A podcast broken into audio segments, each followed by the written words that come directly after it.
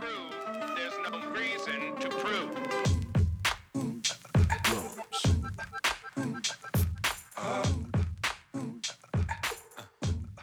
mõtteaine kuuekümne viies osa. pensioniiga on käes Teiega on äh, Mats Volberg. ja Jörgen Matsi.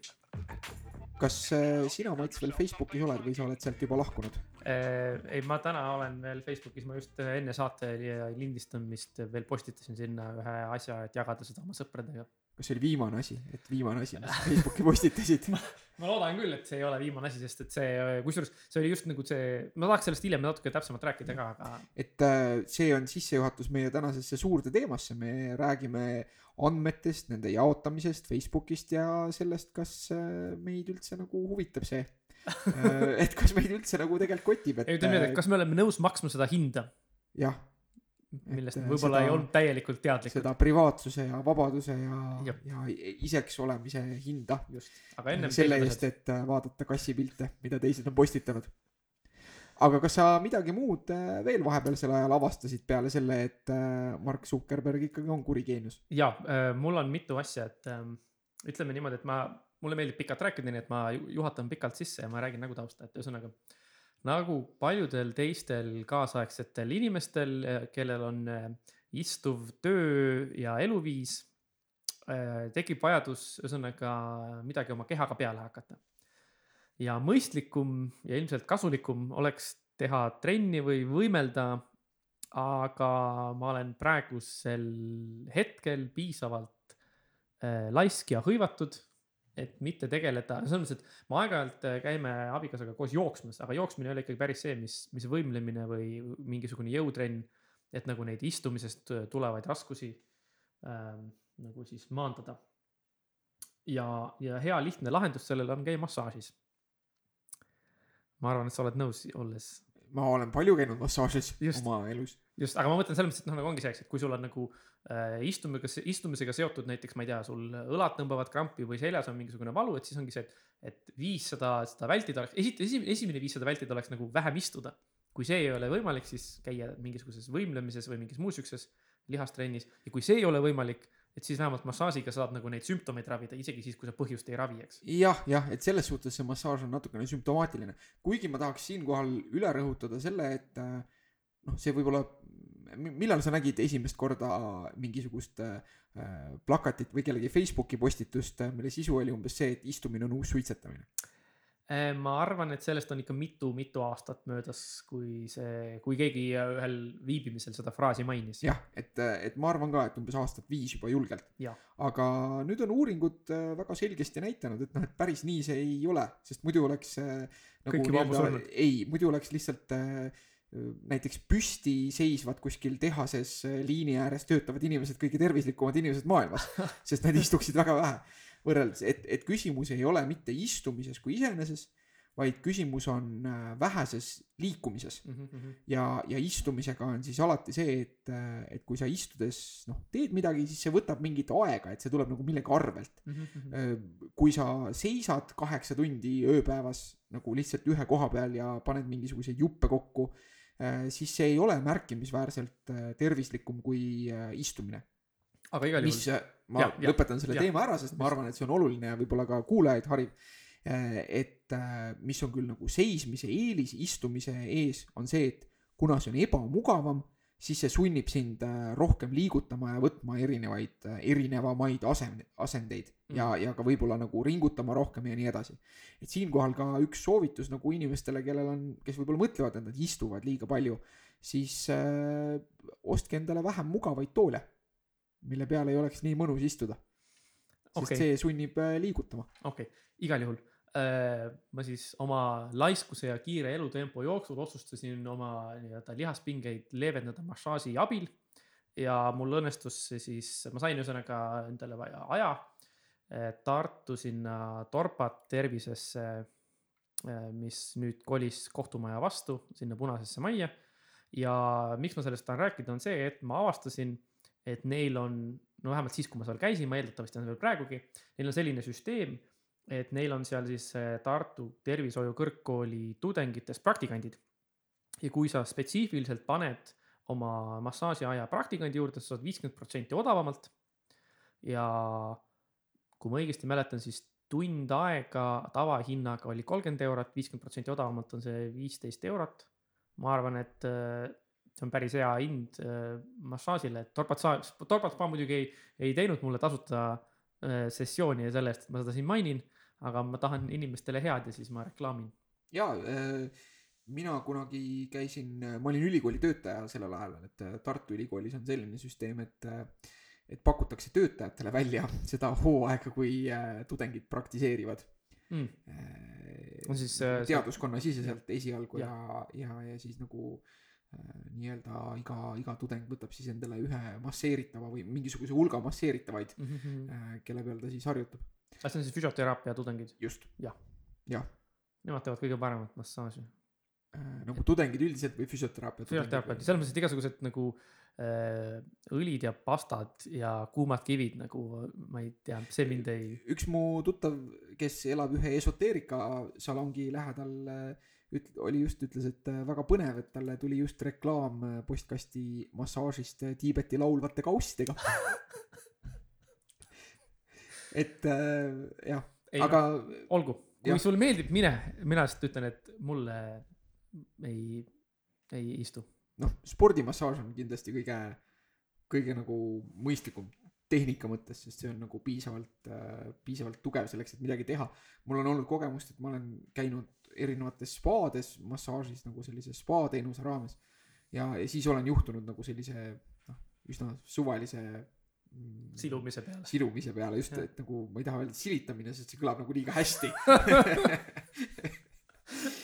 aga on ka olnud positiivseid kogemusi, kui, kui on nagu olnud näha, et äh, alustatakse sellist äh, spaalikku silumist, aga siis ma ütlen, et äh, tegelikult ma teen sporti ja ma Pange selliseid- pange, pange tugevamalt ja siis, siis äh, on tehtud nagu normaalselt ka. kas ma võin siinkohal tõstatada ühe teema, mis mulle just praegu tuli pähe mis on mind nagu tegelikult äh, aastaid närinud mingis mõttes. Mis Jah, seostub, mis seostub mis seostub selle naljaga, mida sa, mida sa tegid. et äh, filmides, Ameerika filmides ja noh, mujal ka ütleme selles mõttes, et on see, see õnneliku lõpu teema massaažide puhul on, on tihti nagu seal sees. ja ma olen alati nagu mõelnud, et äh, sõltumata sellest, mis on sinu nii-öelda äh, siis äh, see suhtestaatus, kes tahaks seda sellises kohas, sellises situatsioonis selles mõttes teha, et see tundub nii ebahügieeniline.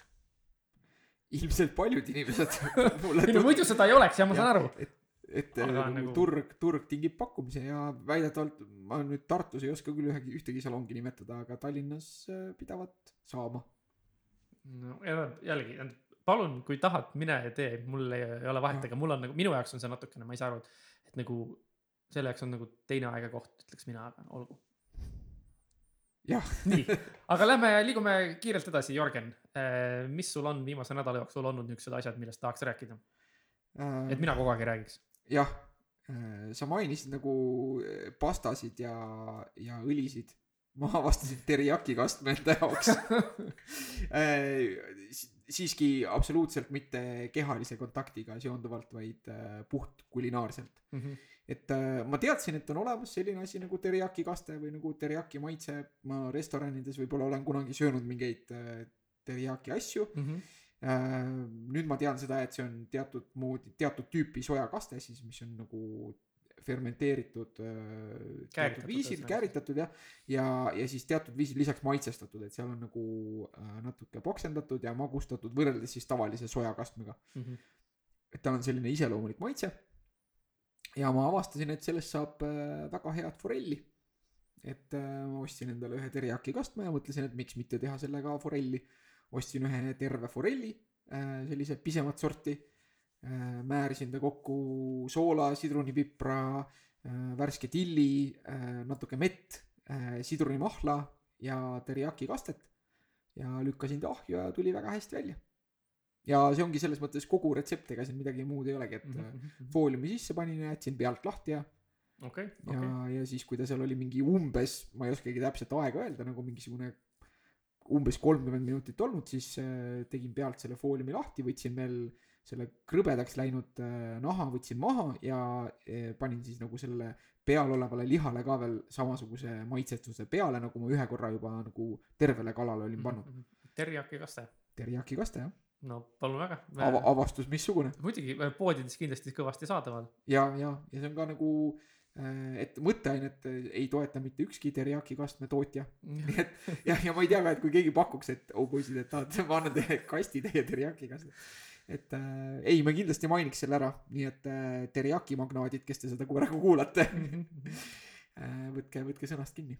okei, väga kas sa avastasid midagi veel kuule jaa äh, peale selle, et äh, sind on, et sa said nüüd südamelt ära selle õnneliku lõpuga massaažide teema? just, et äh, selles mõttes, et ma saate alguses korra mainisin ka seda, et ma just äh, enne saate algust äh, postitasin midagi Facebooki, et ma ja sellest me oleme mõnevõrra, mingis mõttes me oleme sellest varem ka rääkinud, et kui me rääkisime sellest meedia tarbimisest, et äh, ma tegelikult ei mäleta, kas me reaalselt saates jõudsime seda asja arutada, aga et kui, kui me mõtleme on ju muusikast, siis on hästi levinud see, et sa kuulad ühte ja sama muusikapala kümneid või sadu kordi.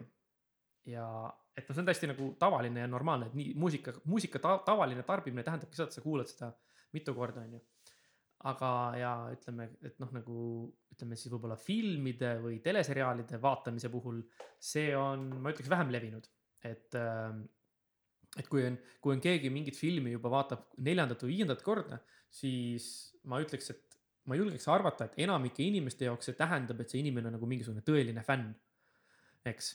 aga minu meelest on see täiesti nagu normaalne, et kui on miski, mis on hea, siis miks sa pead seda ainult ühe korra kogema? Ja on siis äh, üks teleseriaal äh, Kaardimaja, House of Cards, mis olen kuulnud, oled kuulnud? aga pole kunagi näinud. ah soo, no ma julgen seda selles mõttes soovitada, et äh, ma, ühesõnaga see oli, see minu meelest on see niivõrd hästi tehtud sari, et äh, ma ühel hetkel avastasin, et selle sarja esimese hooaja mitmed niisugused stseenid ja kaadrid äh, kummitasid mind selles mõttes, et noh, nad tulid mulle uuesti meelde.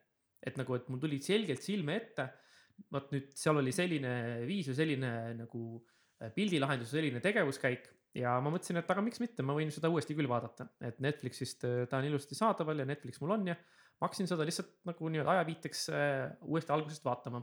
ja seekord siis jah, neljas kord ja ma jõudsin ähm,, ma olen nüüd jõudnud siin võib-olla mingi kuu aega või nii, olen jõudnud teise hooaja alguseni ja ma sain nagu taaskord äh, kinnitust sellele väitele või sellele veendumusele, mis ma, mida ma olen ammu uskunud, eks, et, et filmide ja teleseriaalide uuesti vaatamisel iga kord on midagi, mida sa võid sealt uuesti leida ja avastada. ja, ja seal oli üks, üks konkreetne siukene noh, võib-olla see polnud isegi pool sekundit, võib-olla see oli veerand sekundit, oli üks siukene kaader äh,. aga kui ma teadsin, mida ma peaks sealt nägema, siis ma nägin sealt ühte sellist detaili, mida ma ei olnud, mida ma ei olnud eelmisel kolmel korral näinud ja mul oli nagu see, et ahaa, näed, et siin on väike mingi jupp, mis on pandud sinna sisse, mis, mis noh, nagu noh, midagi, mida sul on võimalik leida sealt ka siis, kui sa vaatad seda neljandat või viiendat korda. et äh, siis ma postitasin oma sõpradele vaatamiseks selle, selle ekraani tõmmise sellest hetkest sealt, et noh, mulle meeldib see, kui ma saan lihtsalt näiteks viimane kord ma vaatasin, kui mul oli see kogemus oli, ma vaatasin äh, siis Visa Ing Die Hard esimene osa. ma arvan, et võib-olla üks sihuke kahekümne, kahekümne viies kord ja siis mul oli see, et ahaa, näed siin on jälle midagi, mida ma varem ei olnud nagu märganud. et, et siukene. seda sa võiks nüüd küll öelda, et mis see siis on, mida sa ei olnud varem Die Hardis märganud. ma enam ei mäleta, mis on, ma tean, ma mäletan selgelt seda, et mul oli see kogemus sellest, et ma kas märkasin mingit asja või ma tõlgendasin mingisugust liikumist teisiti kui varem. aga mulle spetsiifiliselt ei tule tõesti praegu meelde, ma pean vaatama, äkki ma postitasin selle ka kuskile Facebooki inimestele jagamiseks, et siis äh, selles mõttes Facebook on väga hea asi. kui sul on palju sõpru, sa ei pea igaühega individuaalselt rääkima, et jagada neile mingisugust uudist või mõtet. sa kirjutad selle Facebooki ja nad loevad seda sealt. jaa äh,, aga muidugi see on, see on põhjus, miks mina näiteks vaatan ka äh,, meil on olnud nagu nii-öelda noh, eriarvamust selles osas, et kas vaadata filmi treilereid, kas vaadata mingisuguseid eelnevaid analüüse. see on üks põhjustest, miks ma vaatan eelanalüüse, noh hiljem ka järelanalüüse ja, ja treilereid. sest, sest see võimaldab mul nagu olla filmi suhtes tähelepanelikum mm -hmm. juba enne ja ma teen seda just nimelt selliste filmide suhtes, milles ma olen üsna kindel, et ma neid kunagi uuesti ei vaata. et äh, noh, siin see näide on, eks ju, igasugused superkangelaste filmid, me rääkisime ka Mustast pantrist. et noh, ma ilmselt vaatan Musta pantrit alles siis uuesti, kui ma saan seda vaadata koos enda lastega. Kuhu noh, mõeldes nagu ea peale, siis ma arvan, läheb nagu julgelt viis-kuus aastat veel aega. mm. -hmm. Aga aga kas see on ei- peamiselt selle tõttu, et äh, see subtiitride inglise keel või see temaatika? Äh, ma arvan, et mõlemat. et, et enne on lihtsalt nagu muid lihtsamini mõistetavaid asju, mida nendega vaadata. et noh, mu kõige vanem laps on hetkel, eks ju, neli pool, on ju, nii et see pluss viis-kuus aastat, ma arvan, et siis ta on nagu üksteist, kaksteist, Mhm, on ju, ja teised on veel nooremad. Et ilmselt tuleb niikuinii vaadata kõikidega koos, et äh, ei saa nagu eraldada, et näed, et nüüd ma hakkan ühe kõige vanema lapsega, ma hakkan nüüd vaatama otsast peale. siis ma peaks nagu järgmise lapsega uuesti selle tiiru peale tegema ja seda ma lihtsalt ei viitsi. ei no kas esimene laps saab lihtsalt esimesi filme mitu tükki, et selles mõttes, et ega sa ju kõiki filme ikka ei jõua, neid on ju praegu juba üle kahekümne, nii et nojah, aga ma kuskilt otsast hakkan peale polnud märk et äh, et eks ma siis teen mingi valiku võib-olla või noh, ma mõtlen selle peale mm. -hmm. aga, aga see on just see, et siis ma pööran detailidele tähelepanu juba enne äh,, oskan sealt filmist näha nagu mingeid asju, mida võib-olla näeks näiteks mingisugune koomiksi fänn, eks ju, et, et just, et ma ise neid koomikseid ei hakka kõiki järgi lugema, aga ma, ma tean, et näed, see detail tähendab seda asja. ja mul on nagu hea tunne sellest, et ma saan sellest aru, et see on nagu mingi tähenduslik asi, mitte ei ole lihtsalt nagu mingisugune noh, ilus Jah, kuskil jah. kaadris. ütleme niimoodi, et nagu, et kui sa tead ette suhtelise kindlusega, et sa tõesti teist korda või kolmandat korda seda filmi vaatama ei hakka, siis selline käitumine tundub mulle mõistlik. et äh, mina lihtsalt nagu noh, ütleme abstra-, abstraktselt võttes ma mõtleks, et sul on alati võimalus seda teist korda vaadata. ei, muidugi on võimalus., et noh, selles mõttes ongi see, et sa esimest korda sa vaatad nii-öelda nagu puhtalt lehelt ja siis sa vaatad seda, mida räägitakse ja öeldakse ja siis sa vaatad selle targema pilguga uuesti. Et äh, selles mõttes, et äh, on väga-väga vähe filme, mida ma olen mitu korda vaadanud. mm, ma arvan, et äh, filme, mida ma olen nagu teadlikult eesmärgiga mitu korda vaadanud, noh, loomulikult on siukseid asju, et ma olen mingit filmi kunagi näinud ja siis ma olen kuskil, kus on telekas ja mingid inimesed vaatavad ja siis aa, et ma olen seda näinud ja see pole see seesama. aga see, et ma teadlikult otsustan, et ma nüüd vaatan filmi teist korda, ma ei tea, kas me nagu lugemiseks varbad peaksime appi võtma. ma ei ole selles kindel. et äh, ilmselt kahe käe sõrmi läheb ikka vaja, aga, aga, aga kas sealt edasi, et noh, on, on äh, ma arvan, et filme, mida ma olen käinud näiteks kaks korda kinos vaatamas, niiviisi, et ma, see, mul on see nii väga meeldinud äh,. ma võingi kohe öelda, et äh, Matrixit käisin kaks korda kinos vaatamas siis ma ei mäleta, kaklusklubi ma vist kaks korda kinno vaatama ei jõudnud, et ma olen seda küll hiljem korduvalt näinud vaimudest viidud käisin kaks korda kinos vaatamas. Birdmani käisin kaks korda kinos vaatamas, mulle väga see meeldis äh,. ja äh, kui ma ei eksi, siis ka Mandariinid ma käisin kaks korda kinos vaatamas äh,. ja mis ma olen praegu siin neli või, umbes niimoodi. umbes midagi siukest. ma arvan, et nagu Et- kui, kui rääkida kinos kaks korda vaatamise peale, siis minul on ka see number on pigem väike. Aga noh, see ongi, et kui me nagu läheme isegi edasi sealt, eks ju, siis lisandubki umbes kaklusklubi ja, ja, ja mõned filmid veel, et ma arvan jah, et kümnest kaugemale me ei jõua. jah, jah. aga ma olen kindel, et me jõuame kaugemale loeteluga sinu vägevatest avastustest ja, ja uutest äh, asjadest. midagi väga nagu avastanud ma tegelikult äh, vahepealsel ajal ei olegi, mida ma oleks ka läbi töötanud sellisel määral, et, et teiega seda jagada. Küll aga mul oli nagu siukest kaks siirat WTF-i sellel nädalal, et nagu äh, ma sain teada Facebookist, et äh, toimub üks äh, üritus ja ma loen sulle ette selle kirjelduse esimese lõigu. noh, see retriit, sõna retriit, nii nagu sa kuuled, okei. kõik äh, nagu siis topelt i ja, ja Mhm. nii. see retriit on vajalik kõikidele naistele, kes on alustanud oma kuutsüklitega ja kes ikka veel veritsevad ning soovivad kasutusele võtta naiseks olemise tohutut väge ja ilu. selles lauses muideks ei ole ühtegi koma. Mhm. meie füüsilises üsas asub uuenduse maagia, surma andmine ja elu sünnitamine. mõttekriips, punase udu müstilise väe võti. okei, kas äh, mõni neist sõnadest on suure tähega? Punase udu on mõlemad äh, suure tähega. seda ma aimasin. et äh, tegemist on siis nii-öelda. palju see maksab, ma tahan teada. kuussada seitsekümmend viis eurot. ja palju see, mitu tundi see kestab?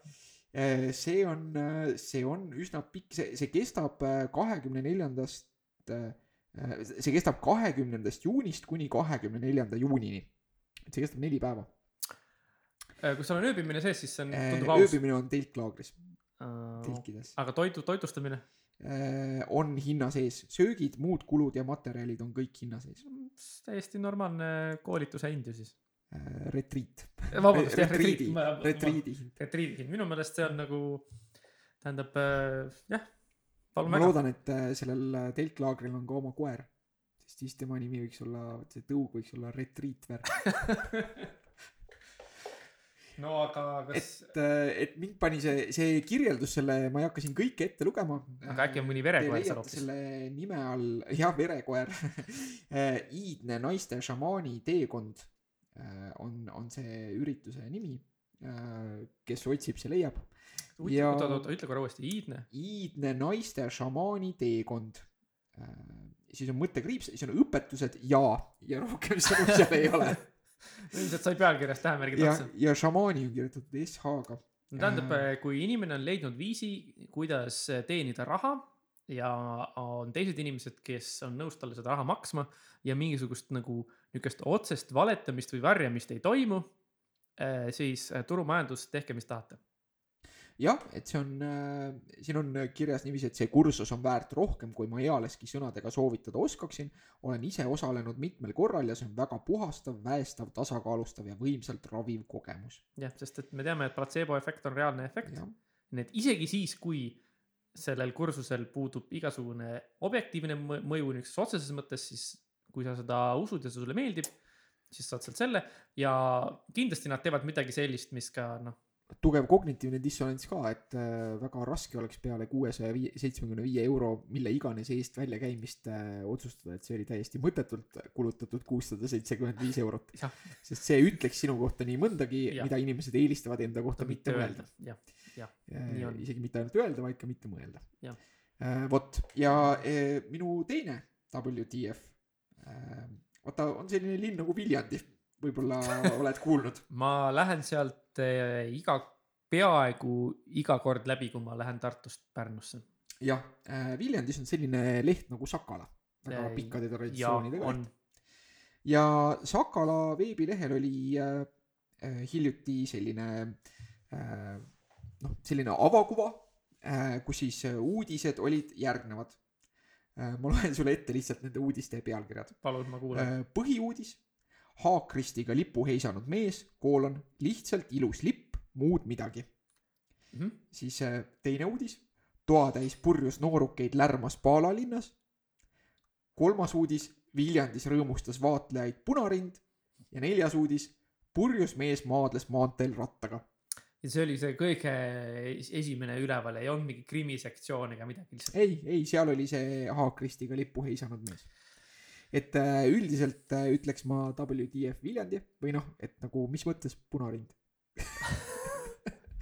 Et no tähendab, mina, mina ütleks pigem WTF Sakala veebitoimetaja, et äh, nagu noh, paiguta kuidagi niimoodi, hõrenda või noh, tekita nagu, või siis just nagu ära klasterda nagu kokku.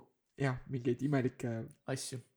Jah, mm. -hmm. millelgi siis uudisväärtus. äh,. Muidugi ma ei tea, võib-olla see nagu purjus mees maadles maanteel rattaga, võib-olla see on nagu mõeldud kui spordiuudis, sest Viljandi on alati olnud sihuke, Viljandi on alati olnud nagu üks Eesti vabamaadluse. ja sellel on isegi seal spordihoone ees ju see, see, see suur pronkskuju äh, sellele kuulsale maadlejale, kelle nimi mul ei tule praegu meelde, aga kes maadles kolmteist tundi seal olümpial, et võita.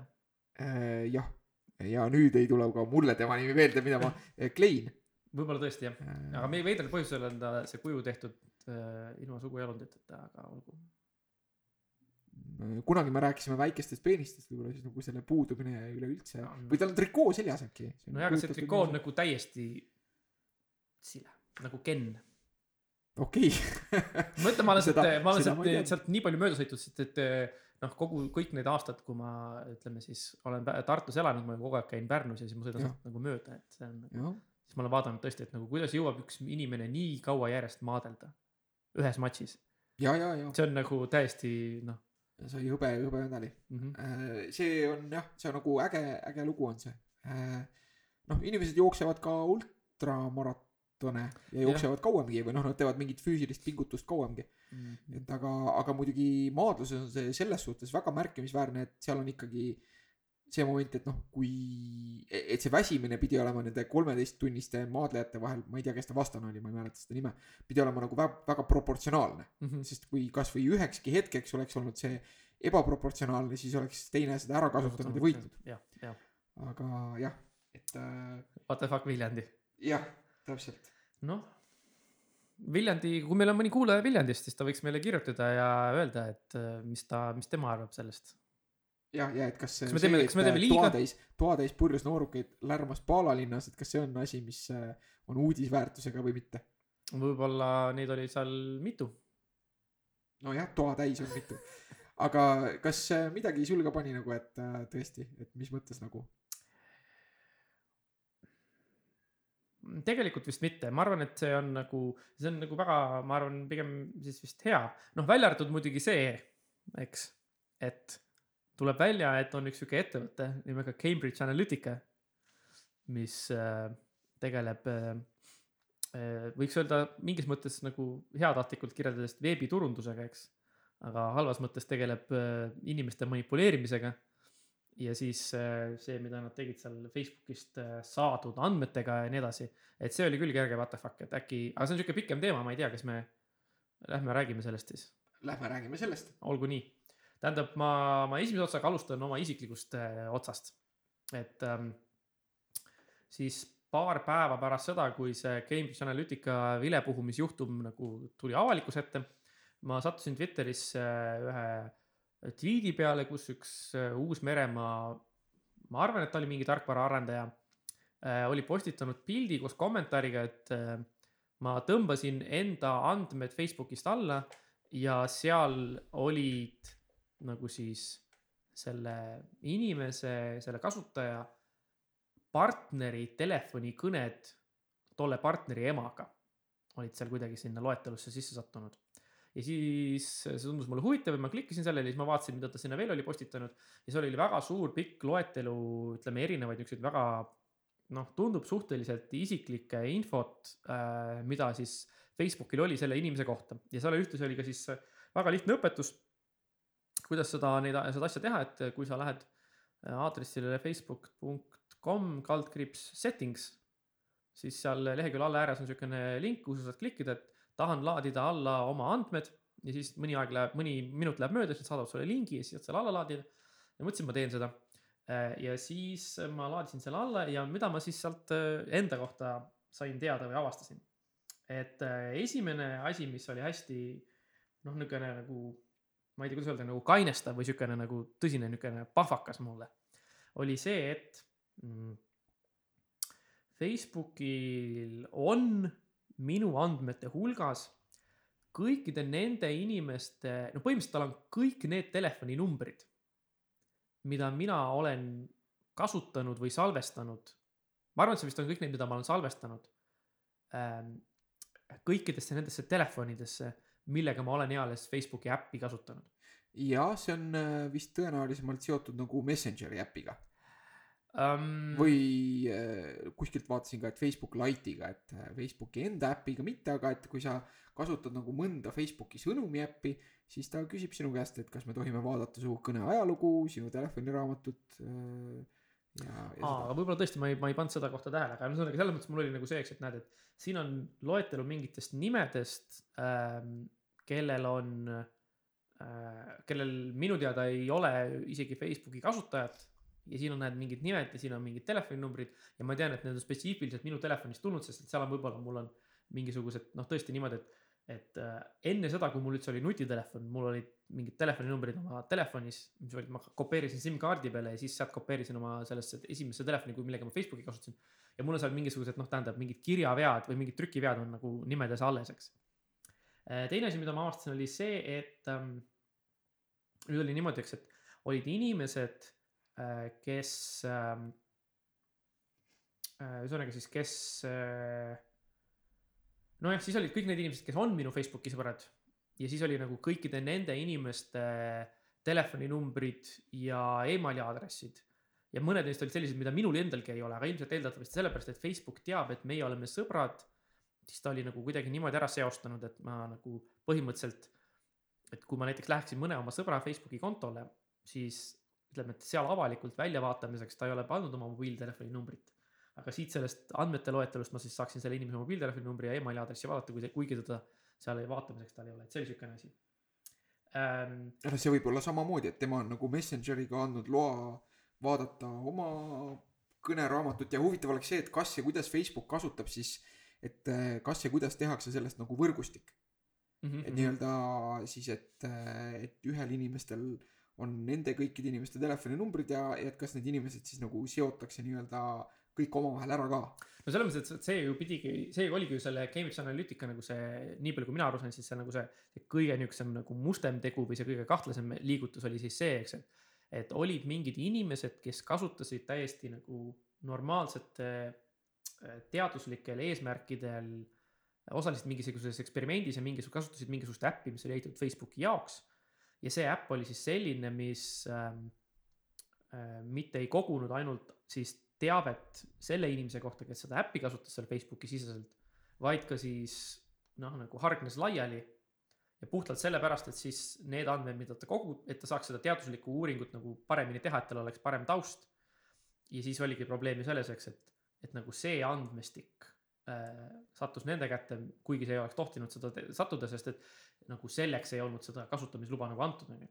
et äh, no siin võib vabalt olla tõesti jah sedasi, eks, et kuidagi nagu mm,, et mina olen teinud mingeid samme, mis on viinud selleni, et minu kontaktide, minu siis Facebooki kontaktide mingisugused andmed on Facebooki käes, mida mina olen neile tahtmatult kas siis andnud või midagi sellist, on ju. teine huvitav niisugune alamjaotus, mis seal oli, oli, seal oli alamjaotus siis reklaamide kohta. et seal oli, esiteks oli loetelu kõikidest sellistest ähm, äh, sõnadest või fraasidest või niisugustest äh, gruppidest või toote asjadest, mis siis olid nagu, moodustasid nagu minu spetsiifilise äh, siis nagu niisugune reklaamterminite loetelu. ja seal oli igasuguseid niisuguseid täiesti normaalseid tavalisi asju, mis siis seostasid nende näiteks lehekülgedega, mille, mille fänn ma olen. aga seal oli ka näiteks sellised fraasid nagu näiteks äh, siis Hansaliit, seesama Hansaliit, mis meil siin oli äh, Põhja-Saksamaal ja mujal Euroopas niisugune kaubanduslik Hansaliit ja ka siis äh, avatud tarkvara, open source software, et nagu miski minu Facebooki käitumises oli Facebooki viinud arvama ja grupeerima mind selliste inimeste hulka, et kui keegi tahab reklaamida, kui Bürgermeister Hamburgist jah, tahab sulle midagi müüa, ja kui tahab mulle müüa avatud äh, koodiga tarkvara, et siis mina olen nagu see sihtgrupp. aga samas ma nägin, et ma olen ainult kahel korral eales äh, klikkinud Facebookis äh, mõnele reklaamile. et, et see, ma arvan, nagu see võib-olla ütleb siis midagi selle kohta, et, et, et see ütleb Facebookile, et see profiil ei ole väga hea. No võib-olla ta ütleb seda, et ma mina, mõtlen, et see, see nii-öelda see, see, kuidas nad on sind profileerinud, et hetkel nad ei ole veel avastanud su seda nõrka kohta. no võib-olla see on lihtsalt see, et ma olen võib-olla reklaamidele natukene vastu nagu, kuidas öelda, panuvõimelisem. vastupanuvõimelisem kui võib-olla tavaline kasutaja või, või paljud enam teised kasutajad, et mul on nagu, mul on üsna hästi välja arenenud võimekus nagu see visuaalselt välja filtreerida ja, ja nagu ära tabada, et millal mulle nagu noh, serveeritakse mingisugune reklaam ja siis lihtsalt nagu meelega seda eirata lihtsalt sellepärast, et mingis mõttes kuidagi nagu ma tunnen, et ma töötan süsteemile vastu. ja siis ähm, äh, mis seal veel oli põnevat um,? üks asi, mis mulle isiklikult väga pakkus huvi ja mis mulle väga meeldis, oli see, et seal oli äh, loetelu äh, siis kõikidest minu praegustest ja endistest sõpradest ja kõikidest nendest sõbra siis äh, nagu siis ettepanekutest, millest ma olin loobunud ja kõik need sõbra ettepanekud, mis mul on, millel mul on vastamata. ja seal olid kõik kuupäevad olid juures, nii et ma sain nagu vaadata täpselt seda, et millisel kuupäeval ma kellegiga sõbraks sain või millisel kuupäeval ma kellegiga loobusin Facebooki sõber olemast. ja seal ma nagu väga hästi oli näha see niisugune, mul on, kuidas ma olen teinud umbes niisugune kaks või kolm niisugust nagu tõsisemat puhastuskuuri, kus ma olen nagu tead ühe kuupäeva sees äh, hunniku inimesi ära kustutanud. ja noh, seda, mis kuupäeval liitusid, selle jaoks ju Facebook koostab, sulle isegi videosid. ja, ja see on tõesti jah, ja siis, mis seal veel vahvat oli muidugi oli see, eks, et ähm, ma sain kõik oma sõnumid, mis ma eales olen kellelegi kirjutanud. Ma sain kõik oma fotod ja videod, mis ma eales olen äh, interneti või sinna Facebooki üles laadinud äh,. ma sain kõik dokumendid äh,, mida ma olen kas saatnud või saanud Messengeri kaudu, sest et paljudel juhtudel on, tea, mul on tänapäeval lihtsam saata mingisugune fail, noh, mingisugune manus ja, ja otse Messengeri kaudu ja üldsegi mitte hakata emailiga jaurama. nii et see oli nagu päris siukene hea kogus andmestikku. Noh, loomulikult oli seal mingisugust hunnik mingisugust tehnilist kraami, eks, et äh, igasugune, igasugused IP aadressid ja igasugused äh, lo- sisselogimissessioonid ja mingisugused hetked, kui nad on mulle küpsisid andnud ja niimoodi. aga noh, mingis mõttes seal tegelikult ei olnud midagi nagu nii kuidagi jõhkrat ja õudset ja avalikku, tõesti, seal seal ei olnud niimoodi, et, et millal ma olen kellelegi mingisugusele telefoninumbrile helistanud või midagi sellist. Et äh, üks minu sõpradest kommenteeris, et see võib olla äkki on seotud sellega, et Euroopa Liidus on natukene teistsugused regulatsioonid selle kohta, et milliseid andmest, andmeid võib inimeste kohta siis äh, säilitada. et äh, äh, et ühesõnaga sina Facebookist selle peale lahkuma veel ei hakka äh, tähendab, ma hakkasin sa ei taha olla nagu Elon Musk ja ma hakkasin kaaluma seda asja, aga ma hakkasin kaaluma, et nagu, et okei okay,, näed, et ma nagu nüüd saan paremini aru, mis on see hind, mida minult küsitakse. Selle eest, et ma saaksin seda teenust. et ma ei olnud nagu noh, ma, ma põhimõtteliselt olin teadlik ja siin selles podcast'is on ju ka korduvalt nagu räägitud, eks, et. et kui miski on tasuta, et kui toode on tasuta, siis sina oledki see toode, eks. Et ähm,, et nagu, no ma ei tea, no tähendab aga kas sa vähemalt kas sa muutsid ise mingeid seadeid äh, kas sa muutsid mingeid seadeid seda kuidas või mis infot Ei. äh, Facebook sinu kohta kasutada võib või võtta võib Äh, ei, selle peale ma ei muutnud, ma olen nagu ütleme, ütleme viimase kahe-kolme aasta jooksul nagu hakanud oluliselt rohkem nagu tähelepanu pöörama sellele, et esiteks, äh, mis on need, mis on see info, mida ma üldse Facebookis jagan siis nii-öelda avalikult äh, või milliseid postitusi ma jagan avalikult. ja ma olen hakanud väga hoolikalt äh, vaatama seda siis nende äppide loetelu, millel on läbi Facebooki juurdepääs minu infole ja ma olen hakanud vaatama, et oi, et siin on nimekirjas on võib-olla seal mingi nelikümmend asja, siis ma mõtlen, et aga tõepoolest tegelikult nagu ma ei taha, et see äpp enam saaks juurdepääsu ja ma olen hakanud nagu seda nagu piirama. aga see ongi siis nii-öelda nagu kolmandate osapoolte suhtes pigem kui Facebooki suhtes. ja, ja mingis mõttes ikkagi ma arvan, et see Facebook pakub mulle nagu. no kui ma mõtlen kommunikatsiooni peale Messengeri mõttes, siis see on täna asendamatu, et äh, on, on hulga inimesi, kellega ma noh, muidu ei saakski või ei oleks väga keeruline suhelda või tüütu mina siinkohal tahaks öelda, et, et ei ole asendamatu, sest enamikel inimestel, kellel on Facebook, on ka Gmaili konto. ja inimesed, kellel on Gmaili konto, on ka Hangouts.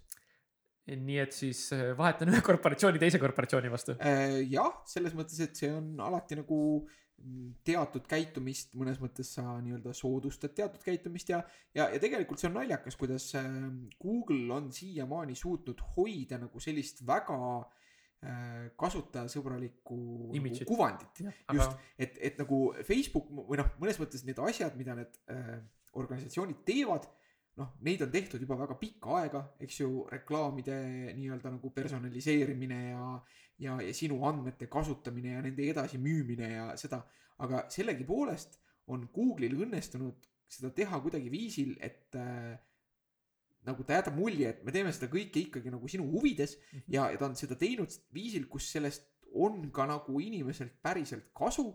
või siis teine viis on see, et kui, kui näiteks Google'i reklaamid on sellised, millest nagu väga palju kasu ei ole, siis need ei ole nagu võrreldes näiteks Facebookiga või rääkimata üldse nagu mingisugustest äh, muudest digimeedia väljaannetest, siis need reklaamid ei ole nagu nii äh, noh, segavad. nad ei ole nii pealetükkivad. Nad ei ole nii pealetükkivad jah, välja arvatud Youtube'is, kus reklaamid on väga pealetükkivad. jah, jah, aga noh, selles mõttes, et ütleme, et noh, see nüüd läheb natukene edasi, et ähm, selle teisest teemast, et, et ma üks siin võib-olla aasta tagasi või nii kuulasin ähm,.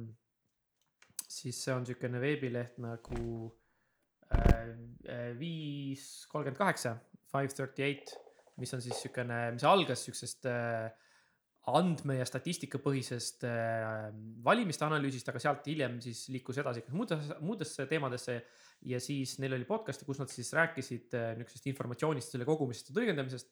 ja seal siis vaadati nagu seda veebipõhist jälitamist. ja kuidas siis oli nagu, nad seal tutvustasid ühte tööriista, kuidas saad siis nagu jooksvalt ajas vaadata mingisugusele veebilehele minnes, kui palju seal on erinevaid vidinaid ja asju. mis siis noh, näiteks küpsiste kaudu sind äh, siis jälitavad ja sinu üle arvet peavad ja siis mingit profiili loovad, on ju.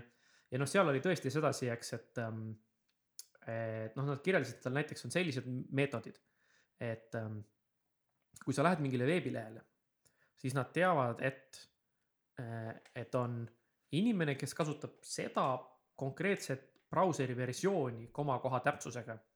kelles, kes kasutab seda konkreetset äh, tarkvara, ütleme seda siis operatsioonisüsteemi kuni selleni, et mis on tema riistvara, kuni selleni, et kui palju tal on akut. kuni selleni, et mitu pikslit on tema brauseri aken, kui see ei ole täis ekraani peal. ja siis nagu, kui sa nagu sellisel viisil oled võimeline ühte inimest nagu metaandmete järgi jälitama, et siis vaadata, et millistest veebilehtedel ta käib ja kui sul on nagu see jälitas, ütleme, mehhanism on piisavalt laiahaardeline, et noh, sa näed, ahah, näed, see inimene käis sellel lehel ja siis ta käis sellel lehel. ja kui sul on piisavalt palju neid asju, siis noh, on võimalik teha sind kindlaks, et sa olid, see olid just sina. Ja noh, nagu, et noh, need seal, ma arvan, et saate märkmetesse saab panna selle viite sellele podcast'ile, et need, kes tahavad seda episoodi kuulata, saavad ise täpsemalt, et ühesõnaga selles maailmas kuidagi tundub nagu see, et no võib-olla see on nagu paratamatu, et see ei ole nagu midagi eriti kaasa aidata. teisest küljest me noh, saame aeg-ajalt uudiseid selle kohta, ma pean tunnistama, et ma ei tea väga hästi või ma ei oska ka nagu jälgida kuidagi objektiivselt seda, et mis toimub Hiinas mm. -hmm. mind osalt nagu huvitab see lihtsalt nagu nii-öelda maailma poliitilises mõttes ja, ja, ja ühiskondlike trendide mõttes. aga Hiina kohta ma olen viimasel ajal hakanud nägema mingeid selliseid äh, nagu uudiseid, kus öeldakse ka, et, et Hiina juba formuleerib nagu noh, et, et Hiinal väidetavalt on iga kodaniku jaoks nagu üks number, millesse summeeritakse tema kui kodaniku nagu käitumine. ma olen ka mingit sellist pealkirja lugenud. et, et on mingi selline asi ja, ja pluss siis veel äh, oli, jooksis läbi selline uudis, et äh, Hiinas siis äh, tehnoloogiliselt äh,, väidetavalt siis tehnoloogiliselt ennustati kuritegu ja, ja kuidagi võeti kinni või, või pandi siis uurimise alla keegi, kes seda kuritegu veel ei olnud sooritanud. mille suhtes muidugi nagu kõige parem kommentaar, mida ma nägin, oli see, et noh, et tegelikult on seda tehtud kogu aeg, et alati on võetud inimesi kinni kuritegude eest, mida nad ei ole sooritanud mm -hmm. ja siis nagu riigi poolt nii-öelda nagu taga kiusatud. Äh, aga, aga noh, et kas see nagu mõnes mõttes ei vii sinna samasse kohta, et, et meie andmed on ikkagi nagu nii laialdaselt kättesaadavad. ja, ja seal minu meelest ei ole nüüd erilist vahet, et kas on mingisugune korporatsioon, mis müüb selle lihtsalt kõige suuremale pakkujale. või siis ta näiteks peab alluma mingisugusele seadusele ja andma riigile selle teatud juhtudel. või siis ka riik võib ka teatud juhtudel ilmselt selle temalt osta no, ja, ja, ja siis need mis iganes nagu äh, andmete valdajad siis peale seda korporatsiooni, kes seda kogub, noh, nemad nagu hindavad mind selle järgi, nad hakkavad mu elu mõjutama. ja, ja see ei pruugi, okei okay,, ma saan aru sellest, et, et äh, see, et Google oskab mulle, kui mul on nagu tehing tehtud ja lennufirma on mulle saatnud kinnitused selle kohta, et millal mu lend läheb, siis see on väga tore, et Google teeb minu kalendrisse sellest automaatsed äh, meeldetuletused, ilma et ma peaks ise üldse midagi tegema aga, aga teisipidi noh, võib ette kujutada väga nii-öelda, võib väga lihtsalt ette kujutada kõiki neid viise, kuidas seda võiks kasutada kuidagi minu vastu. või, või näiteks minu perekonna vastu või, või selleks, et noh, kasvõi mind lihtsalt kõige lihtlabasemas mõttes nagu röövida näiteks. kas siis minu isikut või, või, või varastada mulle mingit kuuluvat vara. no selles mõttes minu meelest siin on nagu kaks või kolm sihukest erinevat nagu aspekti, mida nagu meeles pidada, et üks on nagu see, et, et äh, nagu sa ise ka ju märkisid, eks, et, et äh, sedalaadi nii-öelda andmete kogumisel ja nende suurel skaalalisel analüüsimisel ja mingite mustrite välja leidmisel on äh, ühesõnaga noh, see potentsiaal olla nagu inimeste elu parendav või aitav on minu meelest hästi tohutu. et noh, näiteks ma suudan ette kujutada seda, et ma ostan mingisugused lennukipiletid, äh, kuna ma teen, ütleme, ma saan selle kinnituskirja on ju näiteks Gmaili kaudu. Google teab, et mul on sellel kuupäeva, selles kuus need lennud sinna riiki ja, ja siis ta nagu ühtlasi tuvastab, et näed, et äh, ma peaks kindlasti arvesse võtma noh, mingisugust seda uudisejuppi või ma, mul oleks kasulik äh, osta endale mingi selline toode mida noh, millest mul on tegelikult seal selles kontekstis kasu või midagi sellist, eks.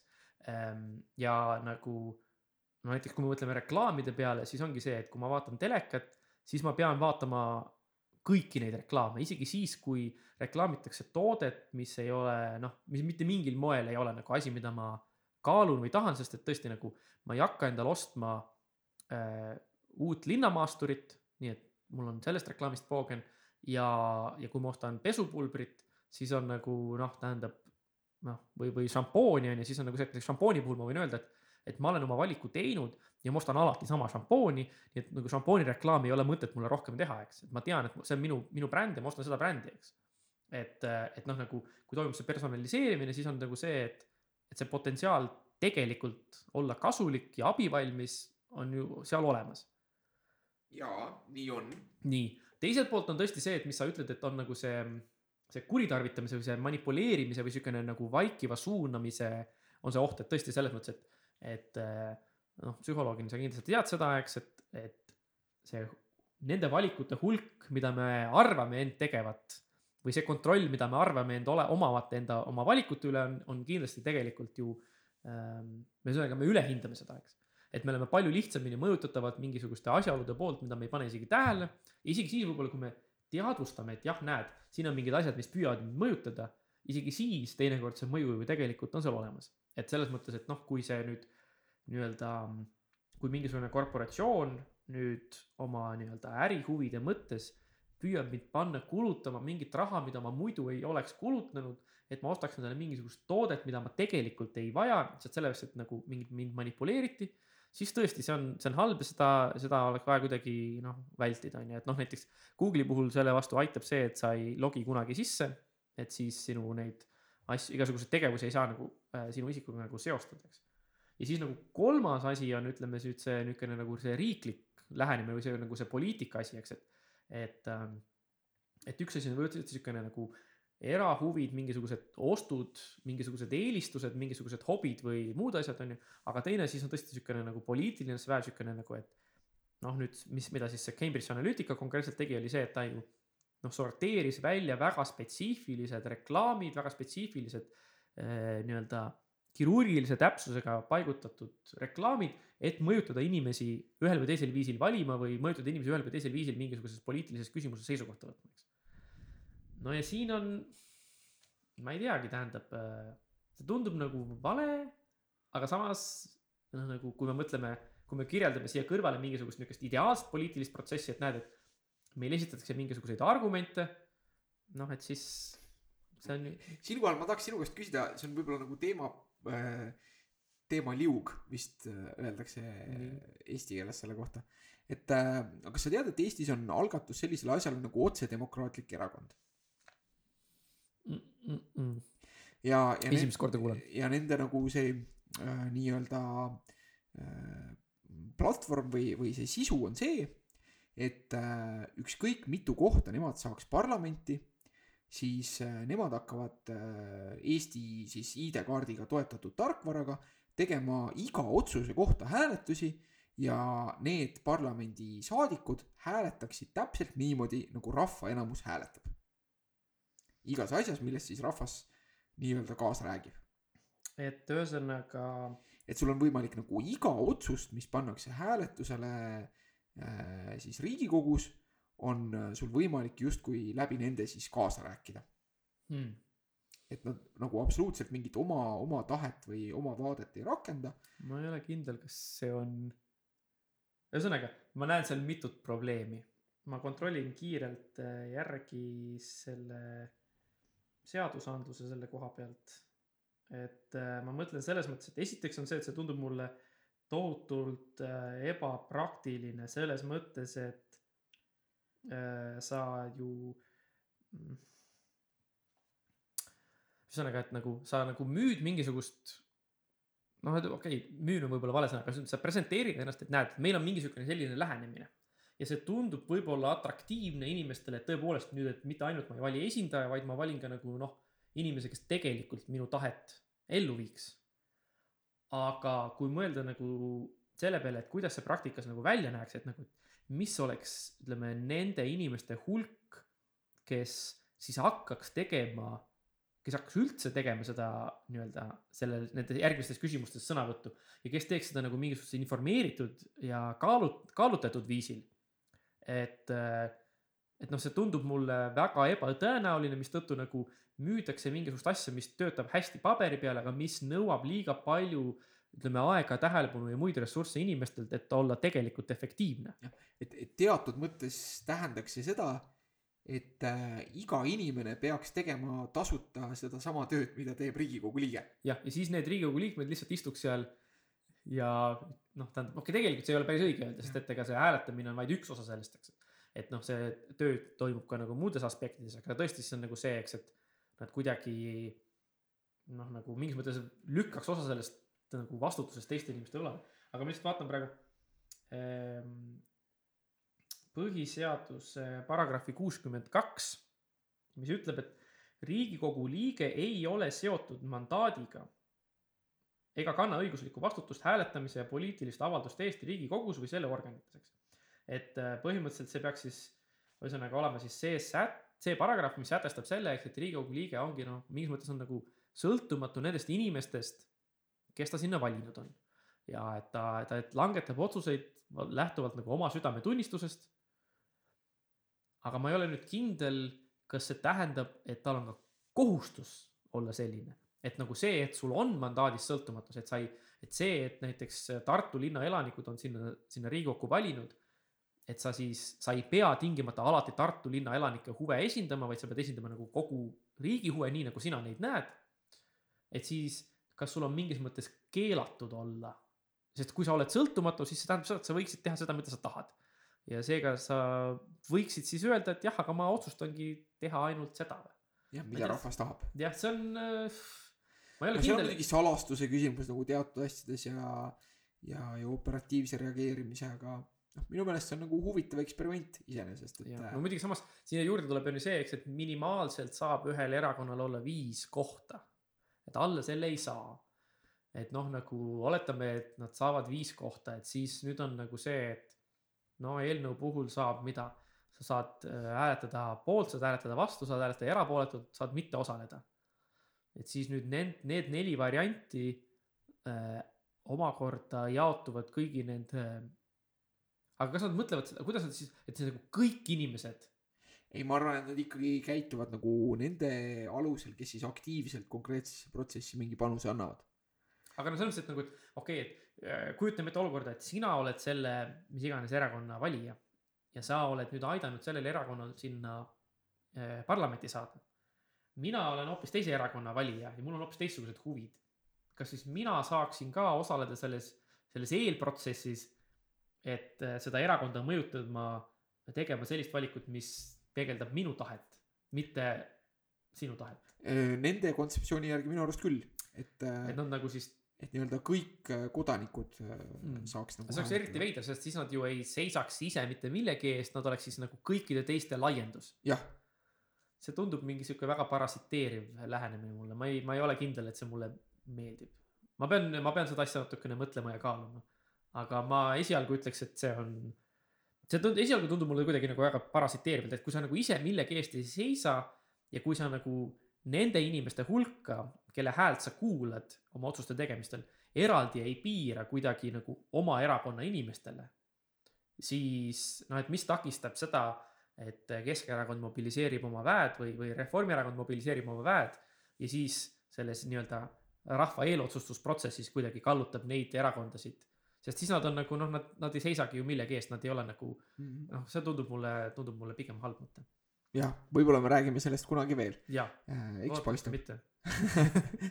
see on nagu see, kui ma kusagil käisin, kusagil käisin äh, ühes, mul oli, käisin reisil ja mul läks seljakott katki ja siis seljakott äh, kindlustuse poolt viidi parandusse, siis ma käisin kontoris äh, sellel seljakotil järel ja siis ma nägin seal ühte inimest, kellega ma koos teenisin aega ja siis me tervitasime ja siis natuke lühidalt rääkisime juttu ja siis ma hakkasin nagu välja minema uksest ja siis ütlesin, et noh, aitaa ja siis ta ütles, et noh, näeme, ma ütlesin, et loodame, et ei näe. sest et noh, ta töötab kindlustusbüroos, et ma loodan, et mul ei ole põhjust nagu sinna tagasi minna. jah, aga noh, erialaselt siis, jah, et jah äh,.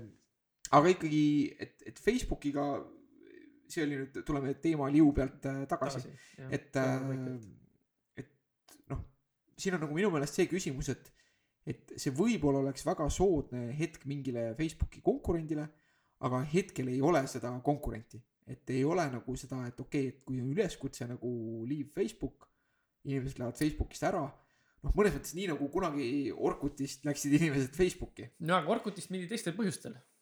Mis põhjustel mindi Orkutist ära? nagu mina kujutan ette, tähendab, et kui ma mõtlen selle peale, mis, miks mina Or- Orkutist ära läksin, siis oli nagu see see, et see Orkut ei olnud, tähendab noh, ta oli, ta oli nagu igav ja staatiline ja seal noh, seal hakkas ka toimuma, ütleme see, eks, et seal toimus niisugune ütleme, kasutajagruppide ütleme, et ta oli nagu ebaproportsionaalselt populaarne mingites maailmajagudes ja riikides, mistõttu see kasutajabaas oli kallutatud selliselt, et ta tundus nagu noh, mulle jah nagu, võõras Indias, Brasiilias ja Eestis. umbes niimoodi jah Mm.. aga teisest küljest oligi nagu see, et ta oli noh, ütleme, seal ei toimunud mitte midagi, et selles mõttes Facebook oma selle nii-öelda nende staatuse uuenduste ja selle nagu pü- püsivalt muutuva sisu osas on, oli nagu palju atraktiivsem või, või nagu põnevam või seal oli nagu midagi teha, et mul oli põhjust sinna uuesti minna.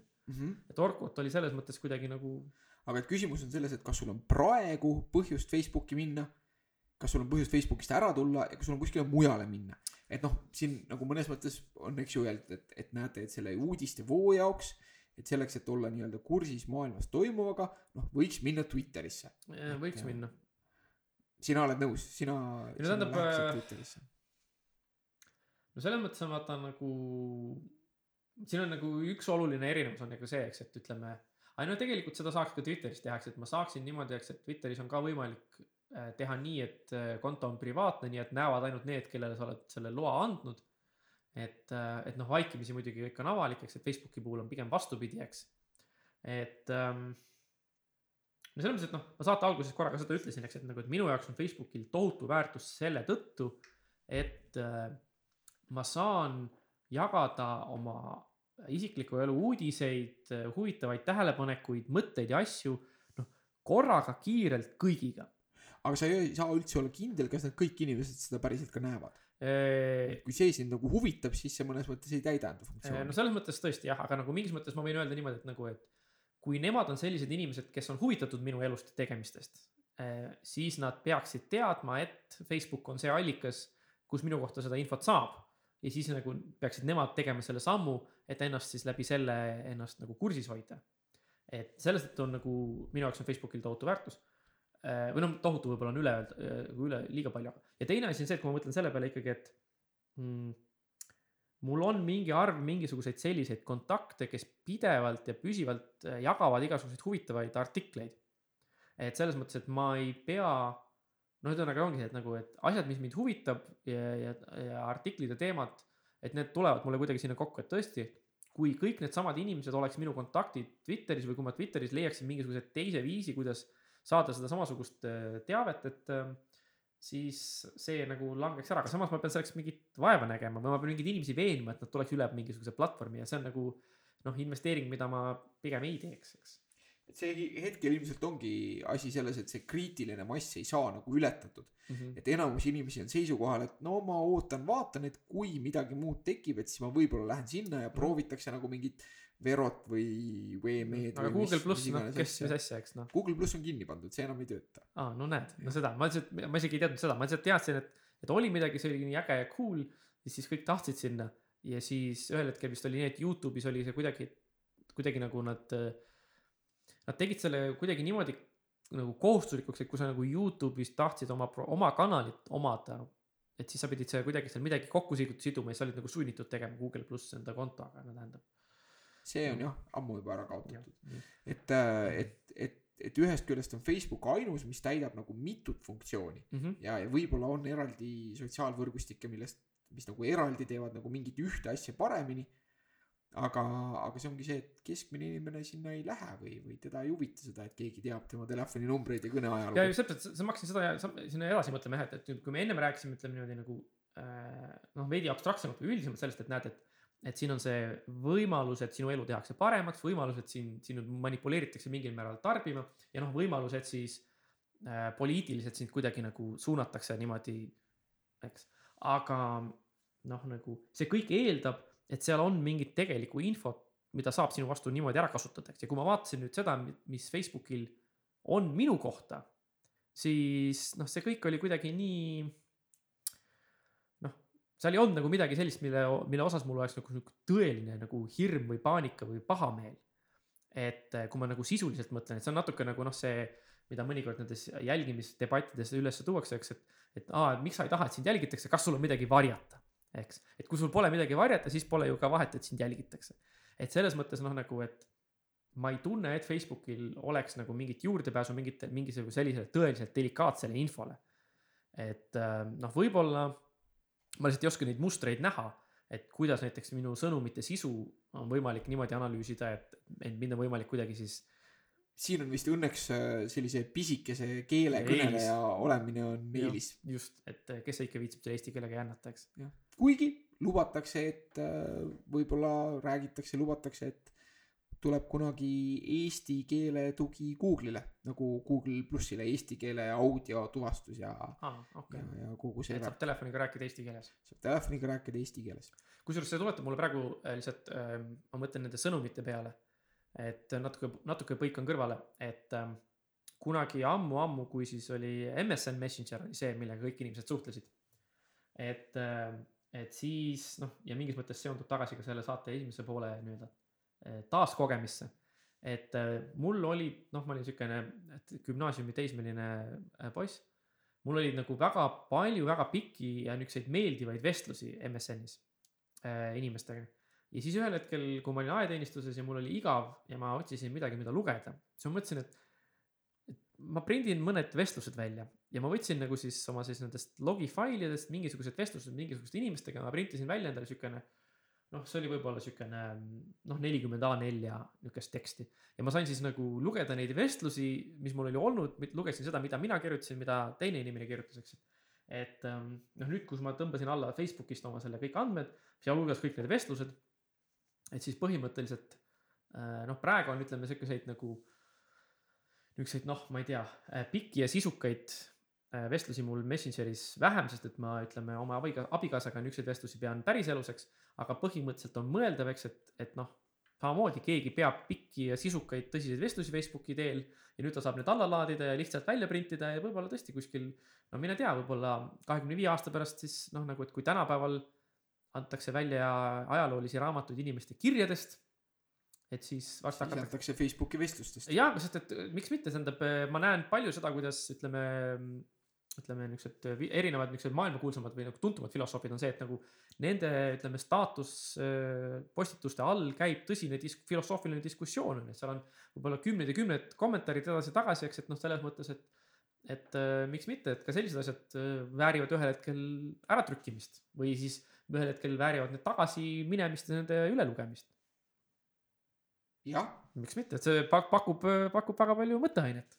see pakub tõesti väga palju mõtteainet ja eks ilmselt see privaatsuse ja, ja kasu ja kahju teema ei olegi selline, mida oleks võimalik äh, väga nagu noh, lõplikult selgeks rääkida. et, äh, et see jääb selliseks äh, käivaks diskussiooniks ja, ja eks see siis paistab, millal Google minu elu kõigi nende andmetega üle võtab, mis ma talle andnud olen. no ütleks, mina ütleks niimoodi, et nagu, et minimaalselt vähemalt siis kaaluge seda hinda, mis te maksate. et äh, ma ei ütle, et äh, minge ära Facebookist äh,. et noh, mina ei, ei ole läinud ja ei plaani minna, eks, aga no vähemalt ma nüüd kaalun teadlikumalt, mis on see hind, mida ma maksan selle eest, et ma saan seda teenust. üks huvitavaid ideesid, mis siin on välja pakutud, on see, et võib-olla peaks need korporatsioonid hakkama meile ka maksma raha. ja, ja mingisugust osa oma tulubaasist. Jah, sest et äh, nemad müüvad meid ettevõtetele ja nad ei saaks meid müüa, kui me ei kasutaks, nii et me võiksime mingis mõttes öelda, et kuule, Facebook, me, me enam ei kasuta sinu teenuseid, sa ei saa enam reklaamitulu, et äh, maksa meile, muidu me lähme ära. jah, mis tuletab mulle meelde, et mulle tehti pakkumine äh, minu spordiklubi vana Facebooki konto ülevõtmiseks. kus on noh, siiamaani nagu mingisugune hulk kontakte, see on lihtsalt inaktiivne konto. Et oo, et näed, et me pakume sulle raha, et anna see konto meile. seal oli üle viiesaja kontakti, kui ma ei eksi. Facebooki nagu page leht ja kui ma siis küsisin, et äh, noh, kõlab huvitavalt, et äh, kui palju te selle eest maksate, siis öeldi, et noh, et äh, arvestades, et me võime umbes kaksteist viiskümmend. Mille peale ma ütlesin, et aga ei, kin- kindel, et kaksteist viiskümmend ja mitte kolmteist viiskümmend. võis ka olla kolmteist viiskümmend, aga, aga pigem, pigem nagu kaksteist viiskümmend. okei okay., et no äh, jaa, aga see raha seegi ju jah, raha, raha seegi. et noh, kui sa mõtled selle peale, eks, et, et mis oli see aeg ja vaev, et mis sa panid sinna, et seda. siis kui nüüd hakkaks mõtlema nagu teistpidi, siis hakkaks mõtlema niimoodi, et noh, tähendab, mis iganes Põlva meemid on ju või midagi, eks, et. et või siis see, see, see teine, mis oli see, mul ei tule selle nimi meelde, aga seal olid mingisugused ka niisugused ajaloo meemide lehekülg, mis, mis mulle kuskil keegi tutvustas, millest ma ei olnud midagi kuulnud, aga ühesõnaga oli. et noh, sa võtad selle lehe, sa teed mingisugust lolli huumorit või noh, võib-olla teed ka mingit tiipi huumorit, kogud mingi hulga nagu inimesi, onju et noh, sa võib-olla nädal-kaks kuu aega näed aktiivselt vaeva ja siis võib-olla sul on seal kümme tuhat inimest. Et äh, või noh, teed mingi järjekordse Usun ja, kette ja mitte kaksteist viiskümmend, vaid saad sada kaksteist viiskümmend. nojah, aga ikkagi tähendab selles mõttes, et kui sa teed, aga sa, kui sa teed paralleelselt mitut lehte on ju, et siis äh, noh. ma kujutan ette, et praegu on see Põlva sünnitusmaja on ju, et noh, tähendab, et äh, inimesed kiiresti organiseeruvad, Facebook aitab neil koopereeruda, on ju. aetakse rahvas kokku.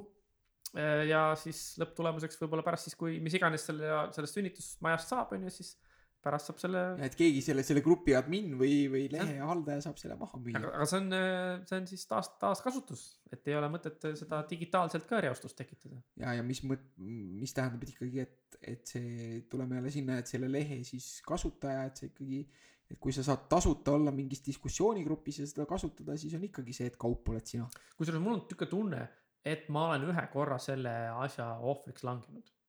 sest et ma nagu ühel hetkel avastasin oma sellest uudisevoost mingisugused. said teate, et sa oled võitnud iPhone'i, ei, ma avastasin oma uudisevoost mingisugused äh, veidrad, said kirja Nigeeria printsilt. ei, mingisugused veidrad äh, EKRE teemalised postitused mingisuguselt nagu, nagu EKRE teemaliselt lehelt ja mul oli niimoodi, et naljakas, ma ei mäleta, et ma oleks vajutanud sellele lehele, et ma tahaks neid uudiseid ja teateid saada. see on minu meelest, see olnud nende ametlik leht, see oli mingisugune nagu kõrvaltoetajate leht. ja mul oli nagu see, et ma olen üsna kindel, et ma ei ole siuksele asjale vajutanud ja siis ma mõtlesin, et no põhimõtteliselt kaks võimalust. et kas ma ikkagi kogemata vajutasin kuskil mingisugusele lingile, mida ma ei pannud tähele, mis on minu meelest ebatõenäoliselt, et ma, ma arvan, et ma olen pigem nagu hoolikas kasutaja. või siis oli see, eks, et mingisugune teine vana leht, mille ma olin ammu ära unustanud, oli siis üle ostetud ja tehtud, tehtud EKRE leheks. jah, mis noh, äh, jällegi vaba turg, inimesed tehke, mis tahate, aga noh, tähendab kaaluge oma klikke hoolega. just okei okay,, kuulmiseni, nukid. nukid, põmm.